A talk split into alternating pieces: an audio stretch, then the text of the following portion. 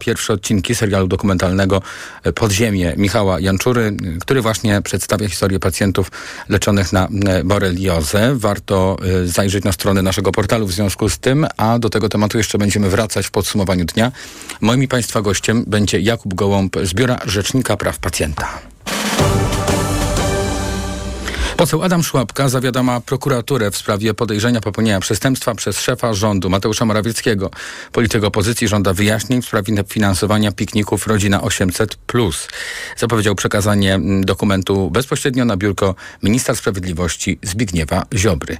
O tej sprawie teraz reporter TOK FM Maciej Szefer. Poseł Adam Szłapka zawiadamia prokuraturę w sprawie finansowania pikników 800 plus przez PiS z państwowych pieniędzy, a nie budżetu partii. Każdy z takich pikników kosztuje pewnie pomiędzy pół miliona a milion złotych. Szłapka oczekuje od premiera dokładnych wyliczeń dotyczących kosztów pikników, które nazywa wprost wiecami partyjnymi. Mateusz Morawiecki, czy pani Marlena Maląg, czy wszyscy, którzy uczestniczyli w tym ewidentnym łamaniu prawa, poniosą konsekwencje. Poseł PiS Bartłomiej Wróblewski krytykuje działania Szłapki i deklaruje, że owe pikniki to spotkania informacyjne, a nie partyjne. Ministerstwo e, Rodziny od wielu lat bardzo konsekwentnie prowadzi politykę prorodzinną. Ma prawo wręcz obowiązek o tym mówić i urządzać różne wydarzenia, w tym pikniki. Poseł Adam Szłapka oczekuje też od komendantów Policji i Straży Pożarnej ujawnienia kosztów zaangażowania tych służb w piknikach.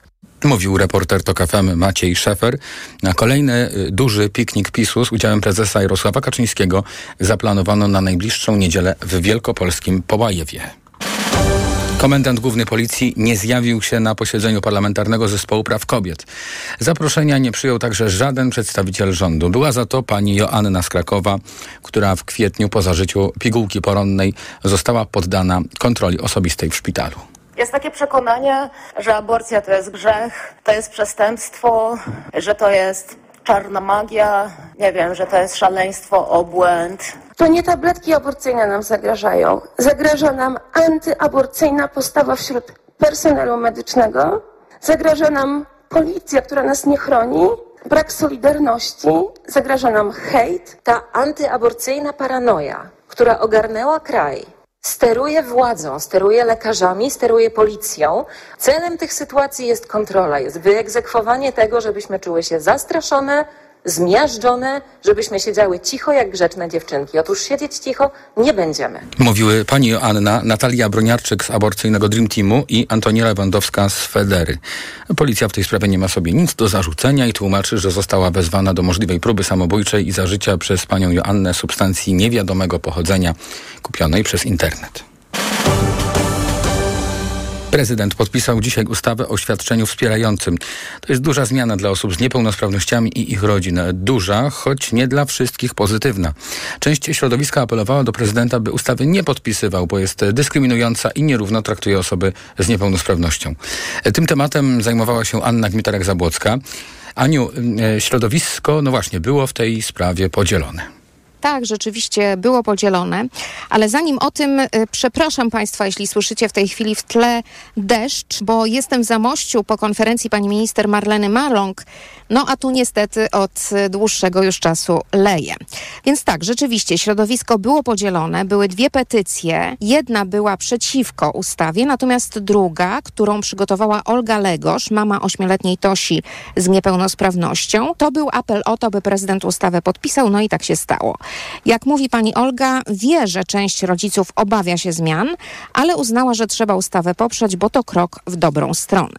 Ja od swojej strony jestem w stanie zrozumieć ten niepokój, natomiast biorąc pod uwagę wszystkie korzyści, które ta ustawa wprowadza, uważam, że powinniśmy jakby poprzeć e, wprowadzenie tej ustawy, a jednocześnie wszystkie siły skierować na to, aby rozporządzenie które do tej ustawy jest załącznikiem, było korzystne dla jak największej grupy osób z niepełnosprawnością. Niepokoju jest dużo, między innymi właśnie o kryteria przyznawania pomocy ze świadczenia wspierającego. Świadczenia, które ma iść za osobą niepełnosprawną i ma wynieść od około 700 do ponad 3000 zł, w zależności od tego, jaka jest potrzeba wsparcia danej osoby.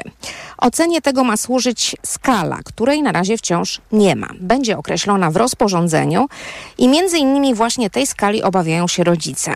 Jak mówi Ala Lorenz, mama Maćka w spektrum autyzmu, ustawa ma służyć niezależnemu życiu. Taka jest narracja.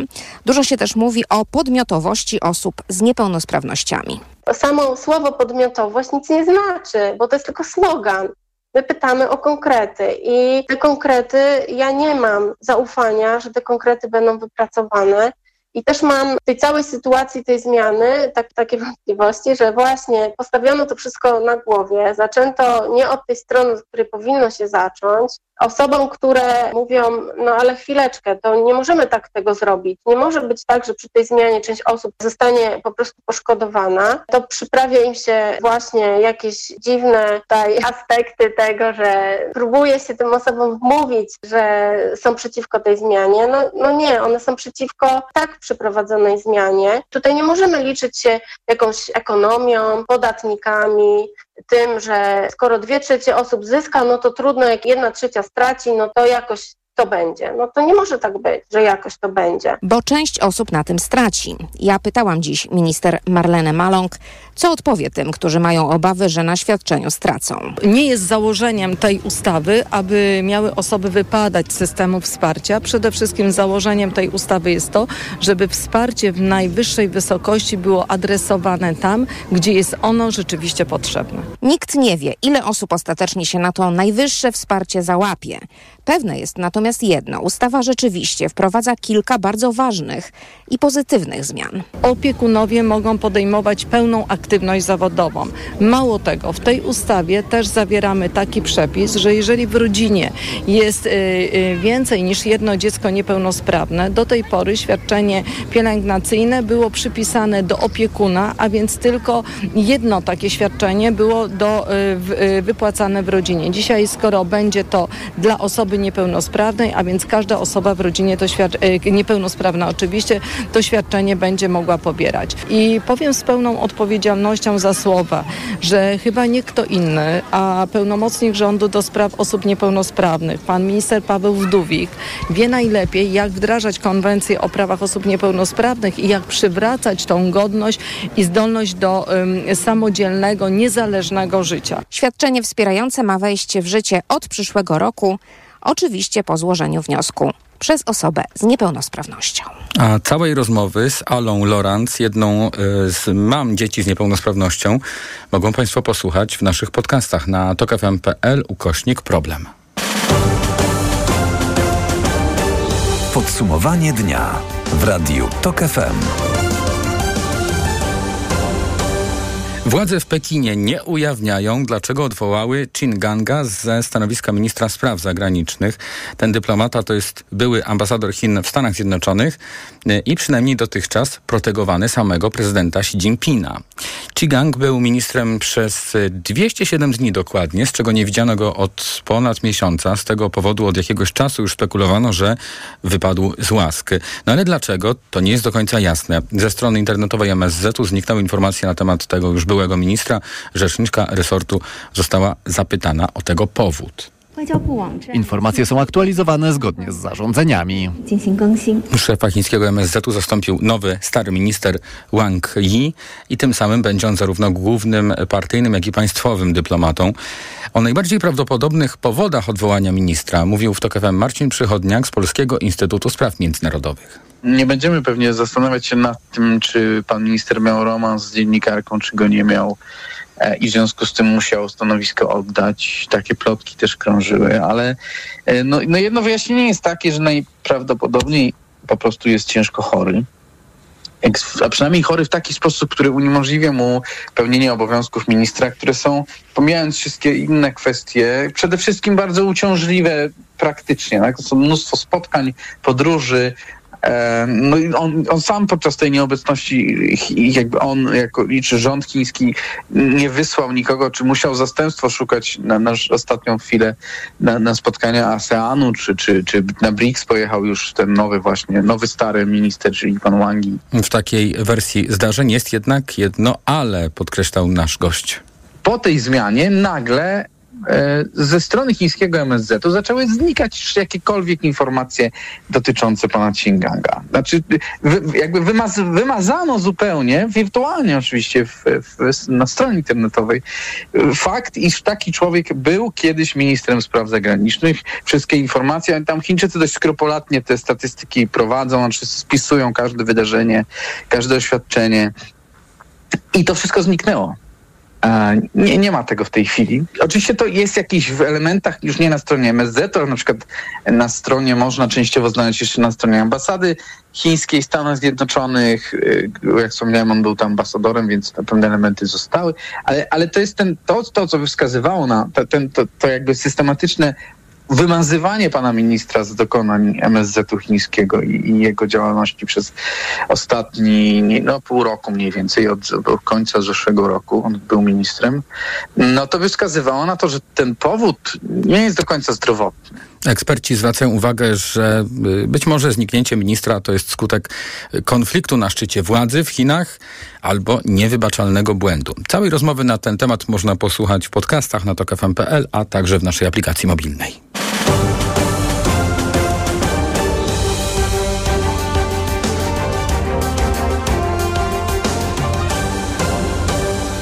Aktor, aktor, Kevin Spacey został oczyszczony z zarzutów. Amerykański y, aktor został y, oskarżony o napaść na tle seksualnym i doprowadzenie do czynności seksualnych wobec czterech mężczyzn, którzy nie wyrazili na to zgody. Wielu z Was może zrozumieć, że mam wiele do przemyślenia po tym, co się dzisiaj wydarzyło. Tak powiedział Spacey po 12-godzinnej rozprawie.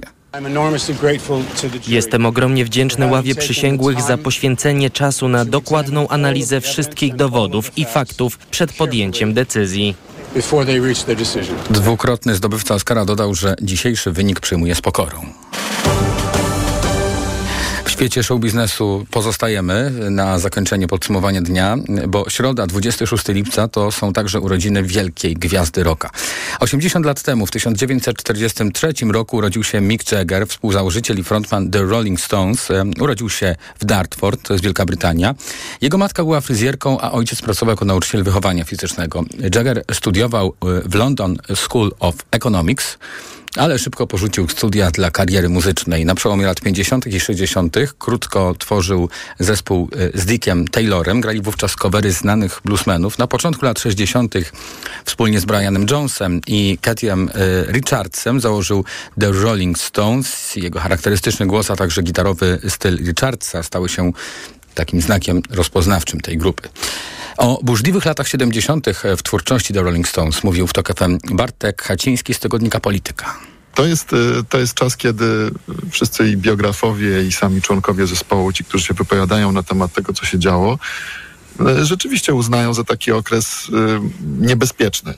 Ja pamiętam wypowiedzi różne Mika Jaggera i opowieści jego E, na przełomie lat 60., 70., e, po Altamont. Przypomnijmy, że, że ten zespół miał wiele takich e, bardzo ponurych wydarzeń, również w tej chwili patrzymy na nich jako na taką jednak dość szczęśliwą skamielinę, prawda, rokową, ale tam było, tam, tam się bardzo dużo działo również rzeczy tragicznych, włącznie z tą, z tą śmiercią, zasztyletowaniem na, na koncercie w Altamont. Mm, jednego z widzów y, i oni potem długo dochodzili mm, po tym do siebie i długo y, przez lata 70. było, mm, wydawało się, że ta scena rockowa to jest jednak niebezpieczna, y, to jest granie, z, granie ze śmiercią, to jest granie z bardzo niebezpiecznym tłumem. No poza tym oczywiście były narkotyki, które, które członkowie The Rolling Stones pochłaniali w ilościach hurtowych wtedy. Później przyszły mm, suche lata dla branży rockowej, no ale nie dla samego Mika i jego zespołu. Pamiętamy, że wszystkie gwiazdy rock'n'rolla w latach 80. To, to był obraz nędzy i rozpaczy. Wtedy y, nagle królował pop, y, królowała muzyka elektroniczna, syntezatorowa na listach przebojów. No a y, pojawiało się R&B, no a, takie w, w, rzeczywiście w wydaniu afroamerykańskim. Natomiast te, te stare, białe gwiazdy rockowe nagrywały najgorsze swoje płyty. A Rolling Stonesi w latach 80., i to, to myślę, że jest naj, największa magia w tym, w tym całym życiorysie.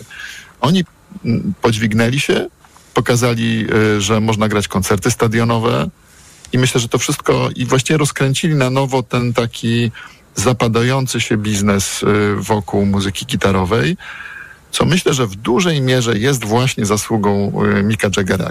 W ciągu 60 lat The Rolling Stones sprzedali na świecie ponad 240 milionów płyt. W Polsce mogliśmy oglądać Jaggera na scenie podczas pięciu występów Stonesów y, w latach 1967, 98, 2007 i 2018.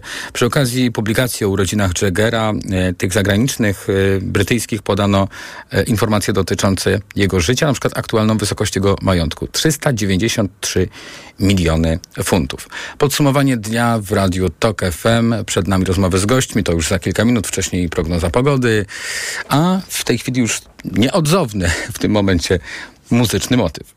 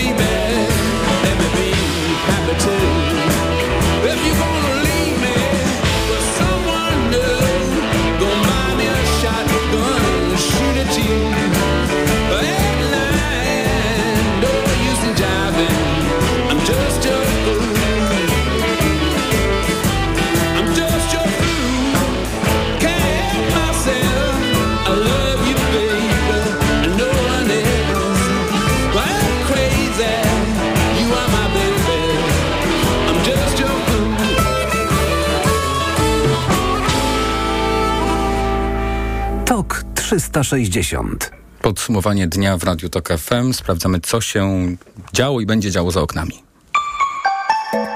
Pogoda. Jeszcze dzisiaj wieczorem, także w nocy możemy spodziewać się silnego deszczu i burz e, na południu i na wschodzie. Na termometrach tylko 10 stopni na północy, 11 na południu, maksymalnie 12 zobaczymy w centrum. No i jutro dalszy ciąg ochłodzenia, dlatego że minimalnie na termometrach zobaczymy 21 mm, stopni, 20 w e, Lublinie, e, to pierwsze wskazanie w Białymstoku. Najcieplej na zachodzie, ale tylko 23 e, i na słońce mogą liczyć mieszkańcy zachodniej, południowej, centralnej części Polski. Na wschodzie niebo będzie częściowo zachmurzone. Radio TOK FM. Pierwsze radio informacyjne. TOK 360. Za chwilę wrócimy do tematu serialu Podziemie w e, TOK FM, który ujawnia to, w jaki sposób e, leczeni są na boreliozę pacjenci. No i od dziś już wiemy, że w tej metodzie stanowczo sprzeciwiają się lekarze. Szczegóły za chwilę. Reklama. Let's go! Rabatomania w MediaMarkt. Im więcej kupujesz, tym większy rabat na najtańszy produkt. Zyskujesz nawet do 99% rabatu na piąty najtańszy produkt. Wybieraj spośród wielu marek produktów dużego AGD i sprzętów do zabudowy. MediaMarkt. Reklama. TOK 360. Jest z nami Jakub Gołąb z Biura Rzecznika Praw Pacjenta. Dzień dobry, witam w Radiu TOK FM. Dzień dobry panie redaktorze, dzień dobry państwu. Naczelna Izba Lekarska zapowiada e, w TOK FM prezes Rady Łukasz Jankowski, że będą złożone wnioski o postępowanie dyscyplinarne wobec lekarzy, którzy leczyli metodą ILAC chorych na e, boreliozę. Tę metodę leczenia opisujemy w serialu Podziemie na tokfm.pl. No i chciałem pana zapytać teraz na wstępie, e, czy takie stanowisko lekarzy i, i, i właśnie dokument wydany podpisany przez 30 ekspertów Naczelnej Izby Lekarskiej ma wpływ na ewentualne postępowania u Was. Y, y, no bo rozumiem, że takie są postępowania. E, takie postępowania prowadzimy. Nie chcę teraz wyprzedzać faktów, ale będziemy też prowadzić takie dość szeroko zakrojone działania już bardzo niedługo. Bardzo niedługo to mówię tutaj o kwestii tygodnia czy, czy dwóch tygodni, ale nie chciałbym też wskazywać konkretnie dnia e, w taki sposób, że e, będziemy też sprawdzać, weryfikować placówki medyczne, bo tutaj trzeba też rozróżnić kwestie osób, które wykonują powiedzmy działania okołolecznicze czy tak, zwaną, tak zwanej alternatywnej medycyny od osób, które są przedstawicielami zawodów medycznych, lekarzami i to trzeba też bardzo, bardzo wyraźnie rozróżnić, bo w przypadku przychodni E, gabinetów, lekarzy, rzecznik ma prawo e, prowadzić postępowania. W przypadku tych alternatywnych, w, w tym, tym przypadku również działaliśmy bardzo szeroko w wielu sprawach, e, możemy jedynie zawiadamiać prokuraturę. W przypadku, kiedy rzecznik prowadzi postępowanie przeciwko osobie, czy w sprawie osoby wykonującej zawód medyczny, a leczącej niezgodnie z zasadami aktualnej wiedzy medycznej, czyli niezgodnie z medycyną opartą na dowodach, rzecznik może nałożyć karę, e, e, zaniechanie praktyki, a niewykonanie zanikania praktyki czy tych działań e, może skutkować nałożeniem kary do wysokości 500 tysięcy złotych, która może być nakładana do czasu, kiedy zostanie, kiedy zostanie to postępowanie zakończone. Mm, czyli ta działalność zostanie wstrzymana. A jednocześnie e, zawiadamiamy w przypadku takich, e, w przypadku takich e, spraw, które badamy, zawiadamiamy okręgowych rzeczników odpowiedzialności zawodowej, lekarzy oraz prokuraturę. Także mamy wielo, wielowątkowe, wielokanałowe działania. Także oczywiście, jeżeli chodzi o ten, jeżeli tego mogę uzupełnić, jeżeli chodzi o stanowisko lekarzy, no ono inne być nie może tym przypadku.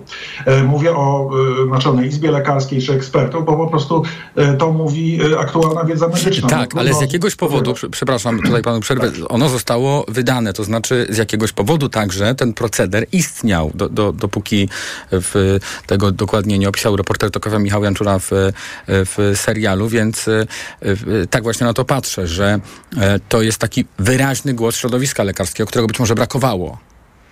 E, wie pan, środowisko wypowiada się e, w poszczególnych sprawach e, raz szybciej, raz, raz później. Dobrze, że takie stanowisko jest i jakby ja się, ja się trzymam ja się trzymam tego. Dobrze, że zostało wydane.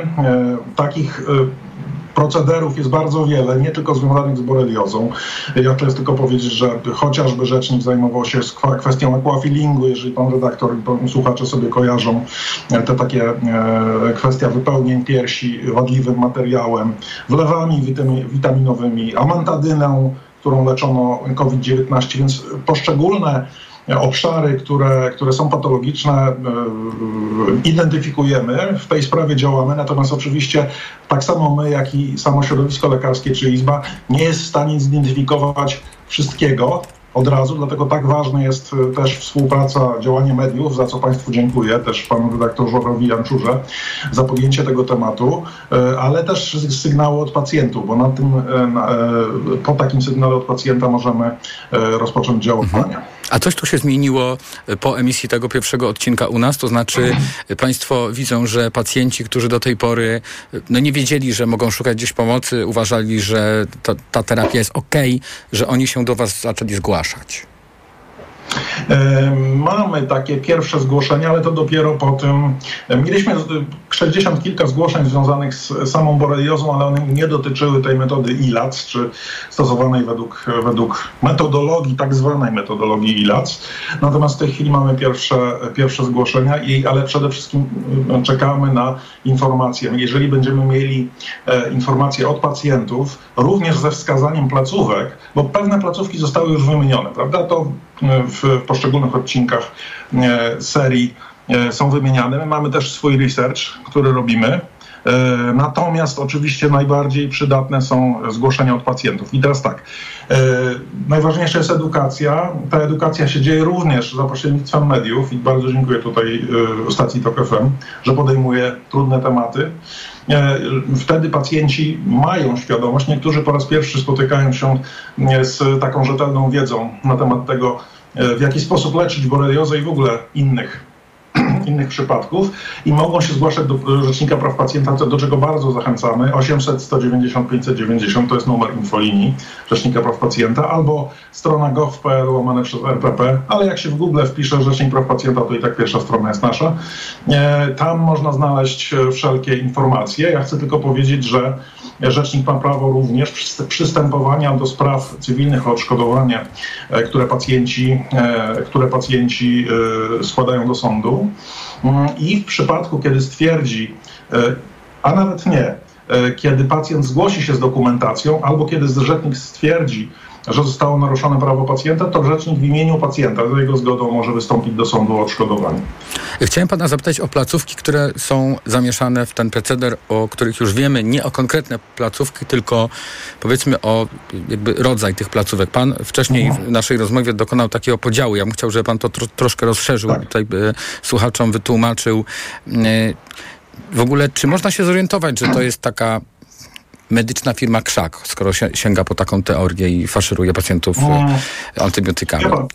W, w, przypadku, w przypadku, kiedy to jest taka placówka, gdzie zna, e, działają tak zwani znachorzy, czy to też można nazwać jakkolwiek, prawda? Naturopaci, yy, inni lekarze, homeopaci. Yy, I wtedy, kiedy yy, mamy wątpliwość, czy dana osoba jest lekarzem, to można sobie wpisać w wyszukiwarkę numer wykonywania zawodu. Na naszej stronie Naczelnej Izby Lekarskiej jest takie, jest takie zestawienie prowadzone i tam sprawdzić, czy dana osoba jest lekarzem. I to jest wbrew pozorom prostsze, no bo można stwierdzić, czy to jest tylko ktoś, kto mówi, że leczy, a de facto nie ma do tego uprawnień. Można to łatwo zweryfikować, ale też e, największy problem jest wtedy, kiedy dana osoba jest lekarzem i mimo tego, myślę, że głównie z chęci zysku, e, prowadzi taki proceder. No wtedy tutaj pacjent może czuć się zagubiony, no bo trudno jest, żeby nie miał zaufania do lekarza i wtedy e, edukacja, informacja jest bardzo ważna, ale to jest tym bardziej naganne wtedy takie zachowanie. Tak jak powiedziałem, rzecznik występuje ze sprawami, postępowaniami, e, które prowadzi, czyli na przykład postępowania o naruszenie zbiorowych praw pacjenta. Wyobraźmy sobie, proszę Państwa, placówkę, która e, właśnie na przykład leczy boreliozę. Jest to gabinet lekarski, bądź jakaś przychodnia, prawda? Tam jest leczona borelioza, tam e, pracują lekarze i wtedy Rzecznik Praw Pacjenta może takie postępowanie zbiorowe przeprowadzić, zakończyć, nakazać natychmiastowe wstrzymanie działalności w tym zakresie. Jeżeli nie zostanie to wykonane i dalej będą te praktyki wykonywane, to nakłada karę 500 tysięcy do, pięcio- do wysokości 500 tysięcy i tak w nieskończoność, dopóki nie zostanie wykonane, więc w sumie e, i jednocześnie może złożyć do e, e, Rzecznika Odpowiedzialności Zawodowej, składa zawiadomienie do prokuratury, więc tu ma wiele narzędzi. W przypadku, kiedy to jest ktoś, kto podaje się za lekarza, prawda, czyli, mm, ale nie jest lekarzem, jest kimś innym, mówi, że leczy, że ma tutaj, dobiera odpowiednie leczenie, czy doradza, tu jest troszeczkę trudniej, bo tutaj rzecznik może, nie może nakładać tych kar, bo nie ma takich uprawnień, ale może jedynie zgłaszać sprawy do prokuratury. Ale muszę powiedzieć, że rzecznik jest jednym z niewielu y, y, urzędów, który regularnie zgłasza takie sprawy właśnie do prokuratury, nawet jeżeli sam nie ma uprawnień do tego, żeby nie, na przykład nakładać kary. Jakub Gołąb z Biura Rzecznika Praw Pacjenta był Państwa gościem w podsumowaniu dnia TOK 360. Bardzo dziękuję. Za chwilę będziemy y, rozmawiali o sprawie Andrzeja Poczobuta, który jest więźniem politycznym w y, Białorusi, z którym y, ostatnio nie ma żadnego kontaktu. Moim Państwa gościem będzie Rusłan Szoszyn z Rzeczpospolitej. Reklama. Wiadomość z ostatniej chwili. W salonach Toyoty rusza właśnie sezonowa wyprzedaż. Stylowe, oszczędne i niezawodne samochody tej japońskiej marki dostępne są teraz w wyjątkowo niskich cenach, atrakcyjnym finansowaniu oraz z korzyścią nawet do 22 tysięcy złotych. Można je także dostać, uwaga, niemalże od ręki. Trzeba się jednak spieszyć, bo ta niesamowita oferta może się niedługo skończyć. Zapraszamy do salonów Toyoty.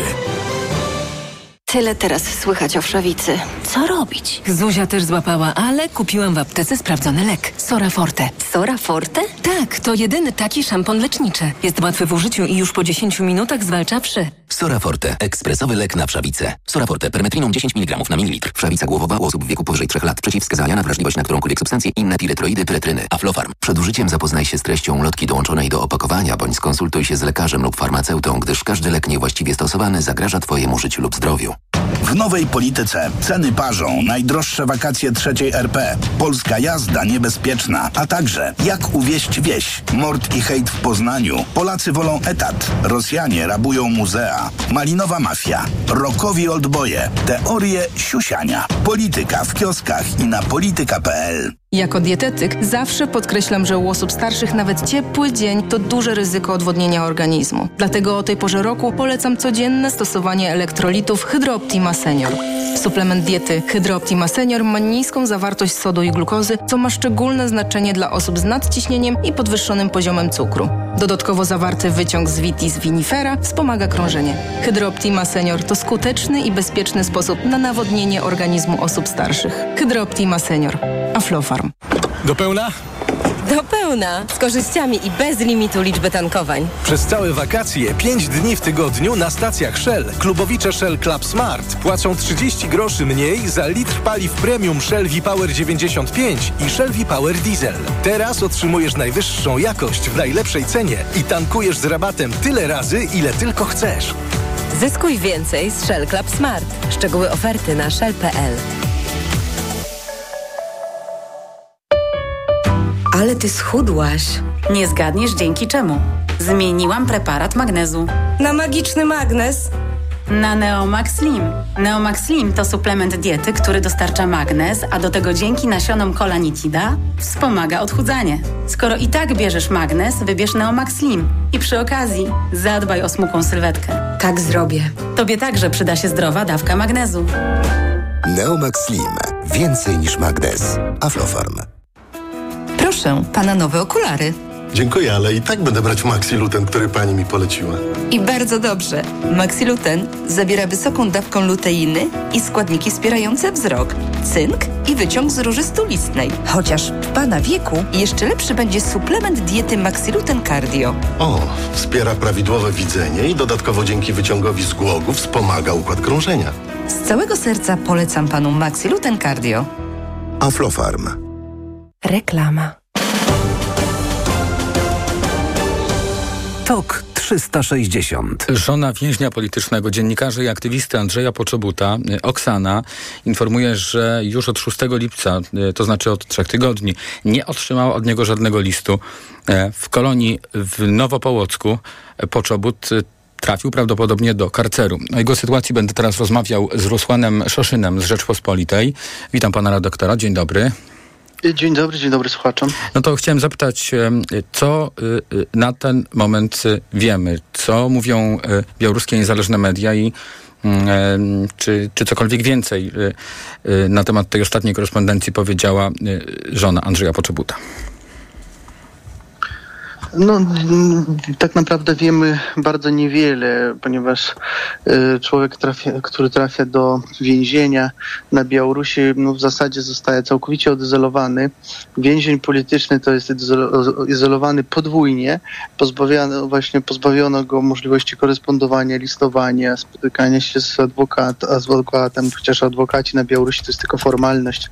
Warto powiedzieć, że to jest tylko taka no, procedura, ale pozwala przynajmniej krewnym wiedzieć, co się dzieje, czy człowiek y, żyje, czy w jakim jest stanie, co mu dolega. Może adwokat takie informacje przekazać. No w tej sytuacji nie wiemy nic, nie, nie dociera do Andrzeja Poczobuta już od e, ponad trzech tygodni. Żaden list e, e, nie dotarł stamtąd, e, no więc wszystko wskazuje na to, że jest przetrzymywany w izolatorze, e, tak zwanym karcerze. E, bardzo złe miejsce e, względu, w ogóle tam nie ma mówić, nie ma co mówić o warunkach żadnych, ponieważ to są miejsca bez warunków w ogóle i, i to jest miejsce, gdzie upokarzają ludzi od czasów sowieckich jeszcze um, upokarzają ludzi i, i kiedyś um, za Związku Radzieckiego ograniczano nawet tam um, inaczej wydawano jedzenia, inny był tryb. Na Białorusi Łukaszenki wygląda to dzisiaj podobnie, więc, więc no, możemy tylko sobie wyobrazić, w jakich warunkach siedzą ludzie. A politycznych jest, mhm. politycznych właśnie więźniów często wrzucają do takich miejsc i tam nie masz dostępu do, do, do żadnych po prostu wiadomości z zewnątrz, tak samo jak i nie możesz przekazać wiadomości z zewnątrz. I więźniom jeszcze do tego wszystkiego administracja wmawia, że wszyscy o nich zapomnieli, że nikt, nikt o nich się nie troszczy i nikomu nie są potrzebni. Dlaczego Andrzej Poczobut trafił do tego karceru? Pewnie dlatego, że jest człowiekiem niezłomnym, y, nie uległ, nie klęknął przed dyktaturą.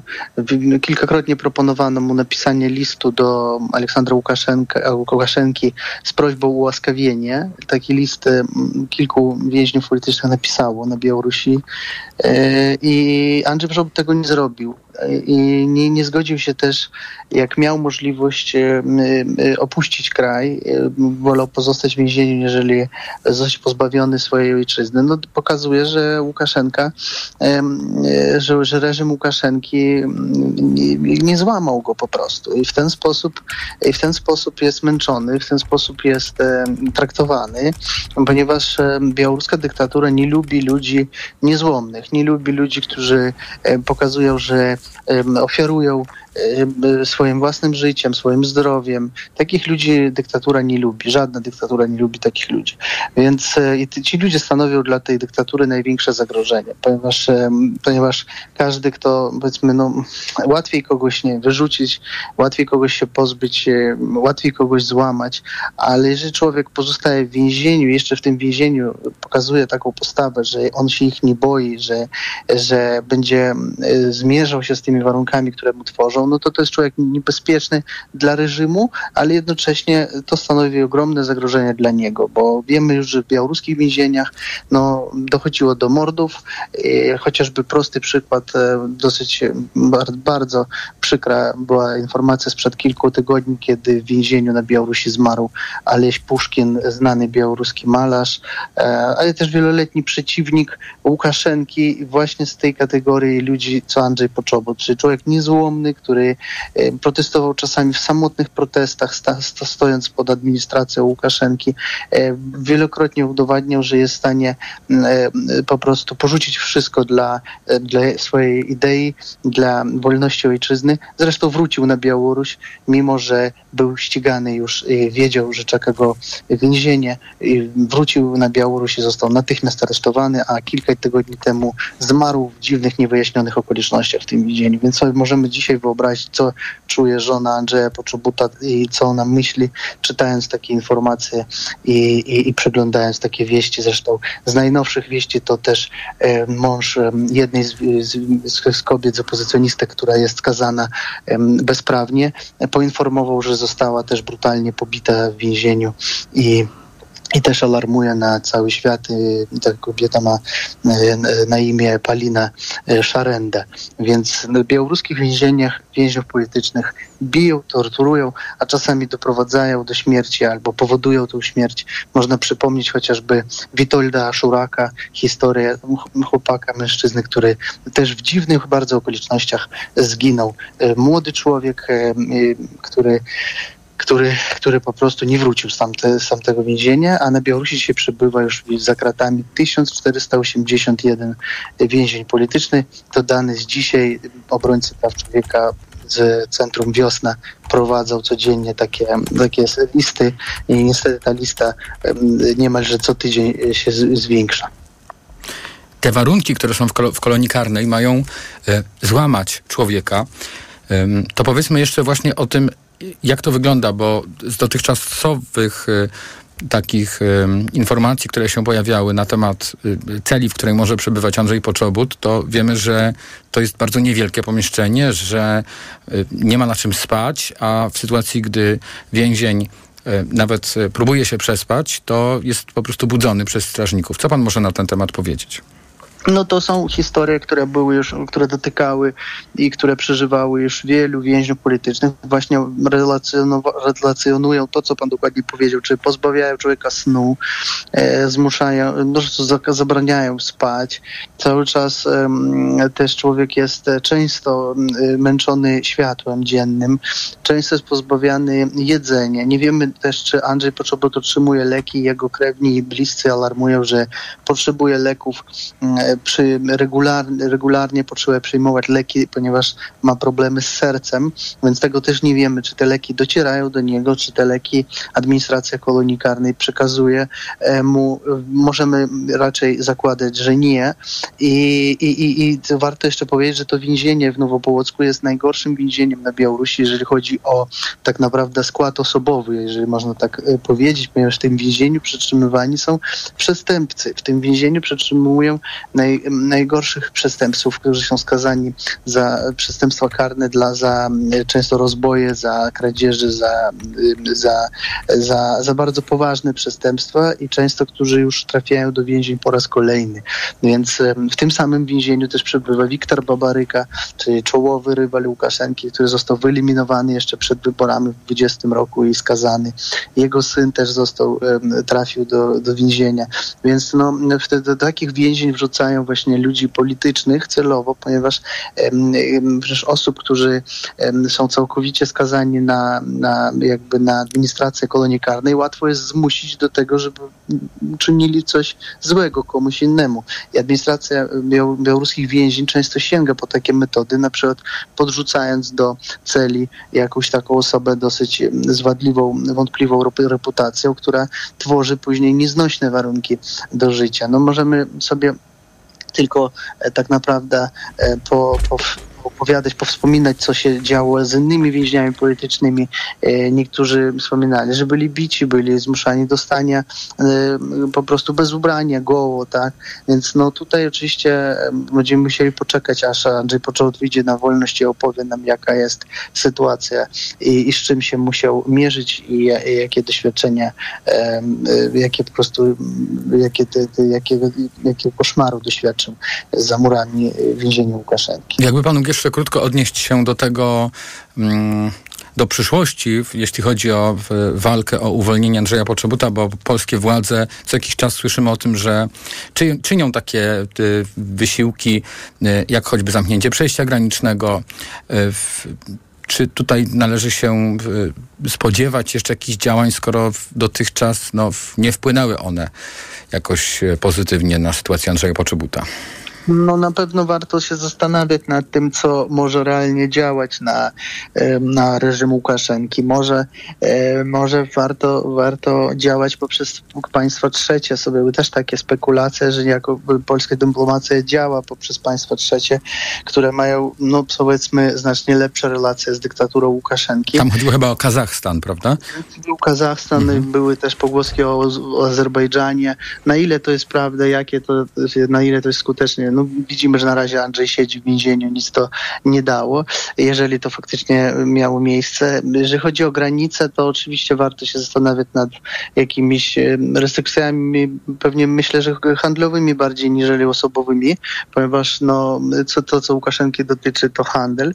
Warto też sprawdzić, jak się ma e, wymiana handlowa Łukaszenki z Unią Europejską, e, więc to też warto, warto tym statystykom się przejrzeć i jeżeli się okaże, że ta wymiana handlowa tak zakładam, nie wiem, jeszcze tego nie patrzyłem, ale jeżeli ta wymiana handlowa wzrasta, chociażby z krajami Unii Europejskiej, a między innymi z Polską, no to, to warto się nad, e, zastanowić, i co się tak naprawdę dzieje. Więc, e, więc tutaj jest oczywiście pole do manewru, ale na pewno nie, war, nie można zapominać i nie można tego tematu gdzieś odsuwać na bok i, i zajmować po prostu, ponieważ mamy kampanię teraz wyborczą w Polsce, mamy sezon taki ogórkowy i pewne rzeczy no, nie przybijają się, to warto pamiętać, że są rzeczy ważne i są rzeczy, które, od których zależy życie człowieka, życie człowieka, który po pokazuje mhm. niezłomną postawę, bo mógł opuścić swój kraj, mógł opuścić y, y, Grodno i mógł porzucić całą sprawę swojego życia i jego tego nie zrobił. Nie zrobił tego dla czegoś, dlatego, że wierzy w to, w co robi, więc no, pomóżmy mu, e, pomóżmy mu, e, żeby, żeby ta wiara, żeby ta wiara była przez nas dopingowana i niezapominana. Rusłan Szoszyn, dziennikarz Rzeczpospolitej, był razem z nami w podsumowaniu dnia. Bardzo dziękuję. A już za chwilę profesor Dominik Kopiński z Uniwersytetu Wrocławskiego. Będziemy rozmawiali o tym, kto zdominuje światową populację osób w wieku e, produkcyjnym. No i mogę zdradzić, że będą to mieszkańcy kontynentu afrykańskiego. Gdybym ja był tobą Gdybyś ty była mną o, Bylibyśmy tą samą osobą. Byłoby taniej, cieplej Dwukrotnie być. Mogłoby lepiej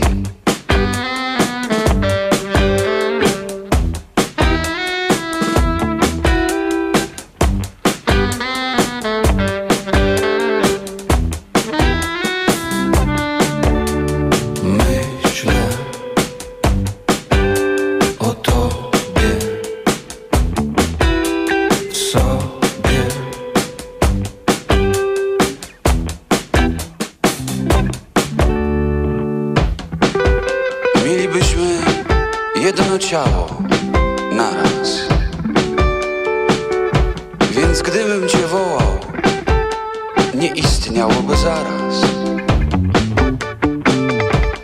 Mógłby się nasz dwugłos nieść, jeśli dalibyśmy sobie w siebie wleść. Przez życie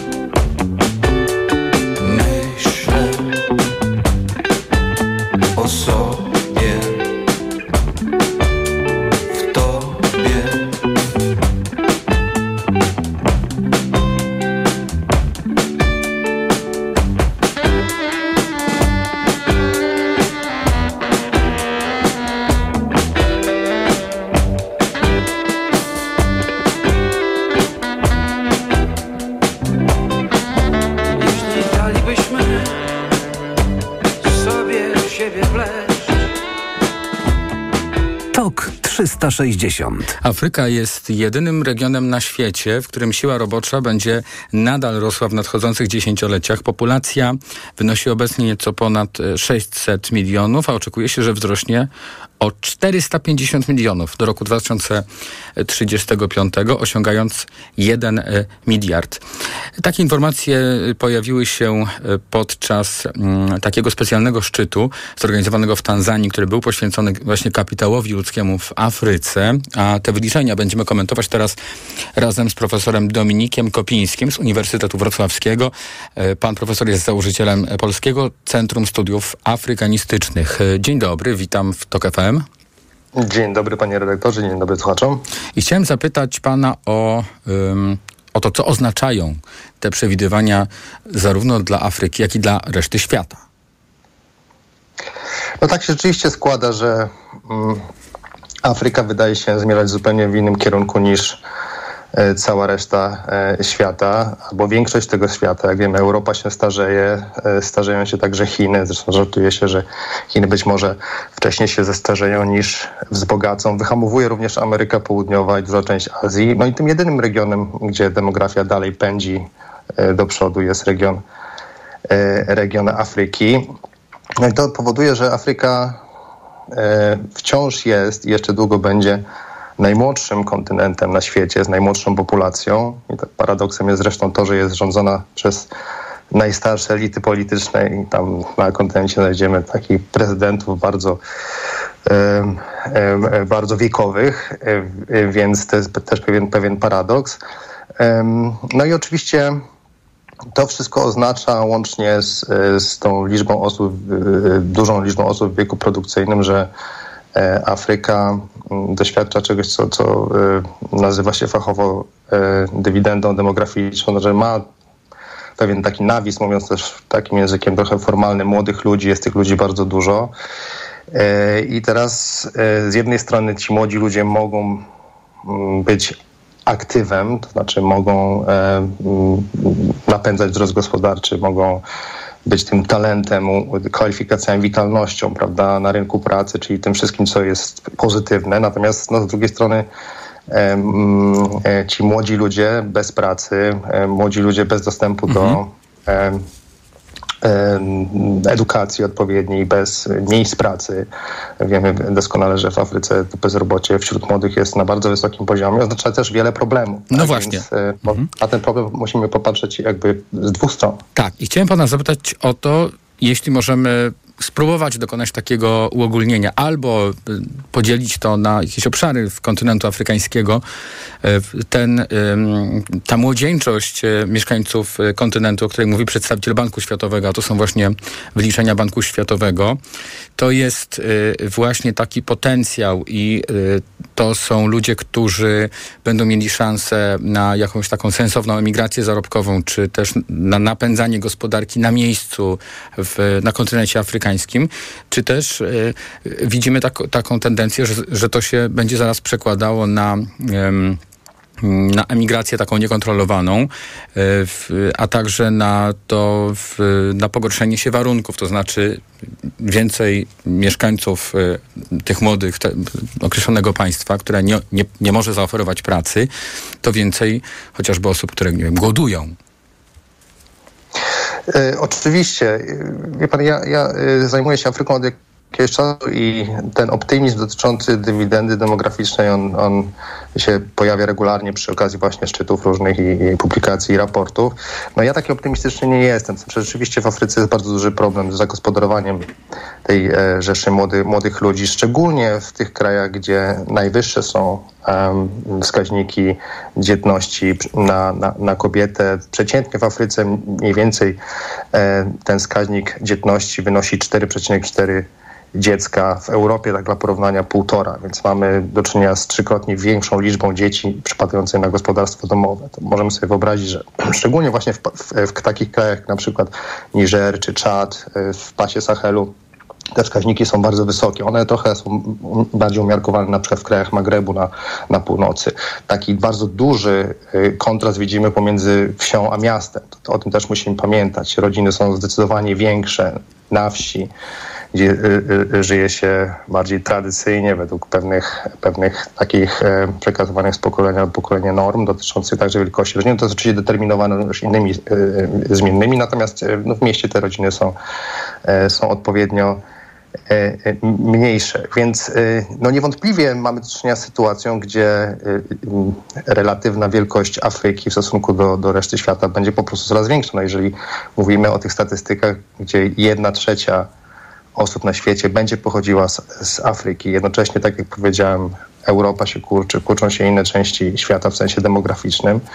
E, I, i dodajmy do tego mm, ten mój e, umiarkowany optymizm odnośnie zagospodarowania tych ludzi. Pamiętajmy też, że część krajów e, afrykańskich, duża część to są kraje ogarnięte albo konfliktami, niestabilnością polityczną, problemami dotyczącymi głodu i ubóstwa. Ci ludzie będą chcieli się przemieszczać, będą płynęli do Europy tak długo, jak e, ta Europa będzie e, zdecydowanie bogatszym kontynentem niż Afryka. Zresztą to jest taki konsensus, który w, w, w naukach o migracji mamy, że no, ta, jeżeli ta różnica, tak długo jak ta różnica dochodu będzie duża pomiędzy Europą a Afryką, tak długo będziemy mieli do czynienia z migracją. No, ważne jest oczywiście to, żeby ta migracja nie była niekontrolowana, tak jak pan redaktor łaskaw, łaskaw powiedzieć, e, tylko żeby mm, no, była odpowiednio zarządzana, bo tej migracji też musimy sobie mhm. jasno powiedzieć, po prostu potrzebujemy. Bo ten szczyt w Tanzanii, tu już musimy kończyć powoli, ale e, właśnie był po to, żeby inwestowano w Afryce w kapitał ludzki.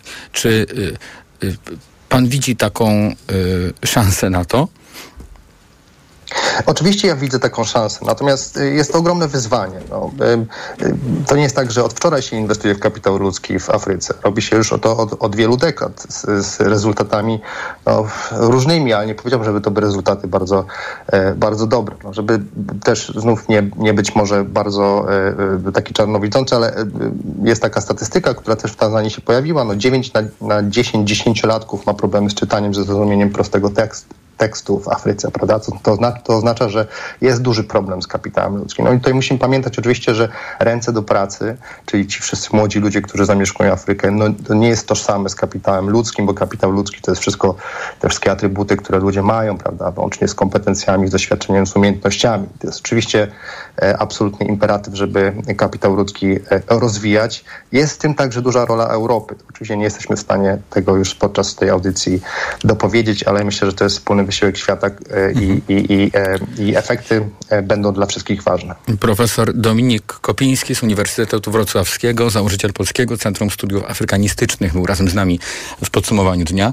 TOK 360, tak się nazywa ta audycja, którą przygotował Michał Tomasik. Program realizował Adam Szuraj. Za chwilę informacje, na które Państwa już teraz zapraszam. Ja nazywam się Wojciech Muzal i mówię Państwu do usłyszenia już jutro o 18.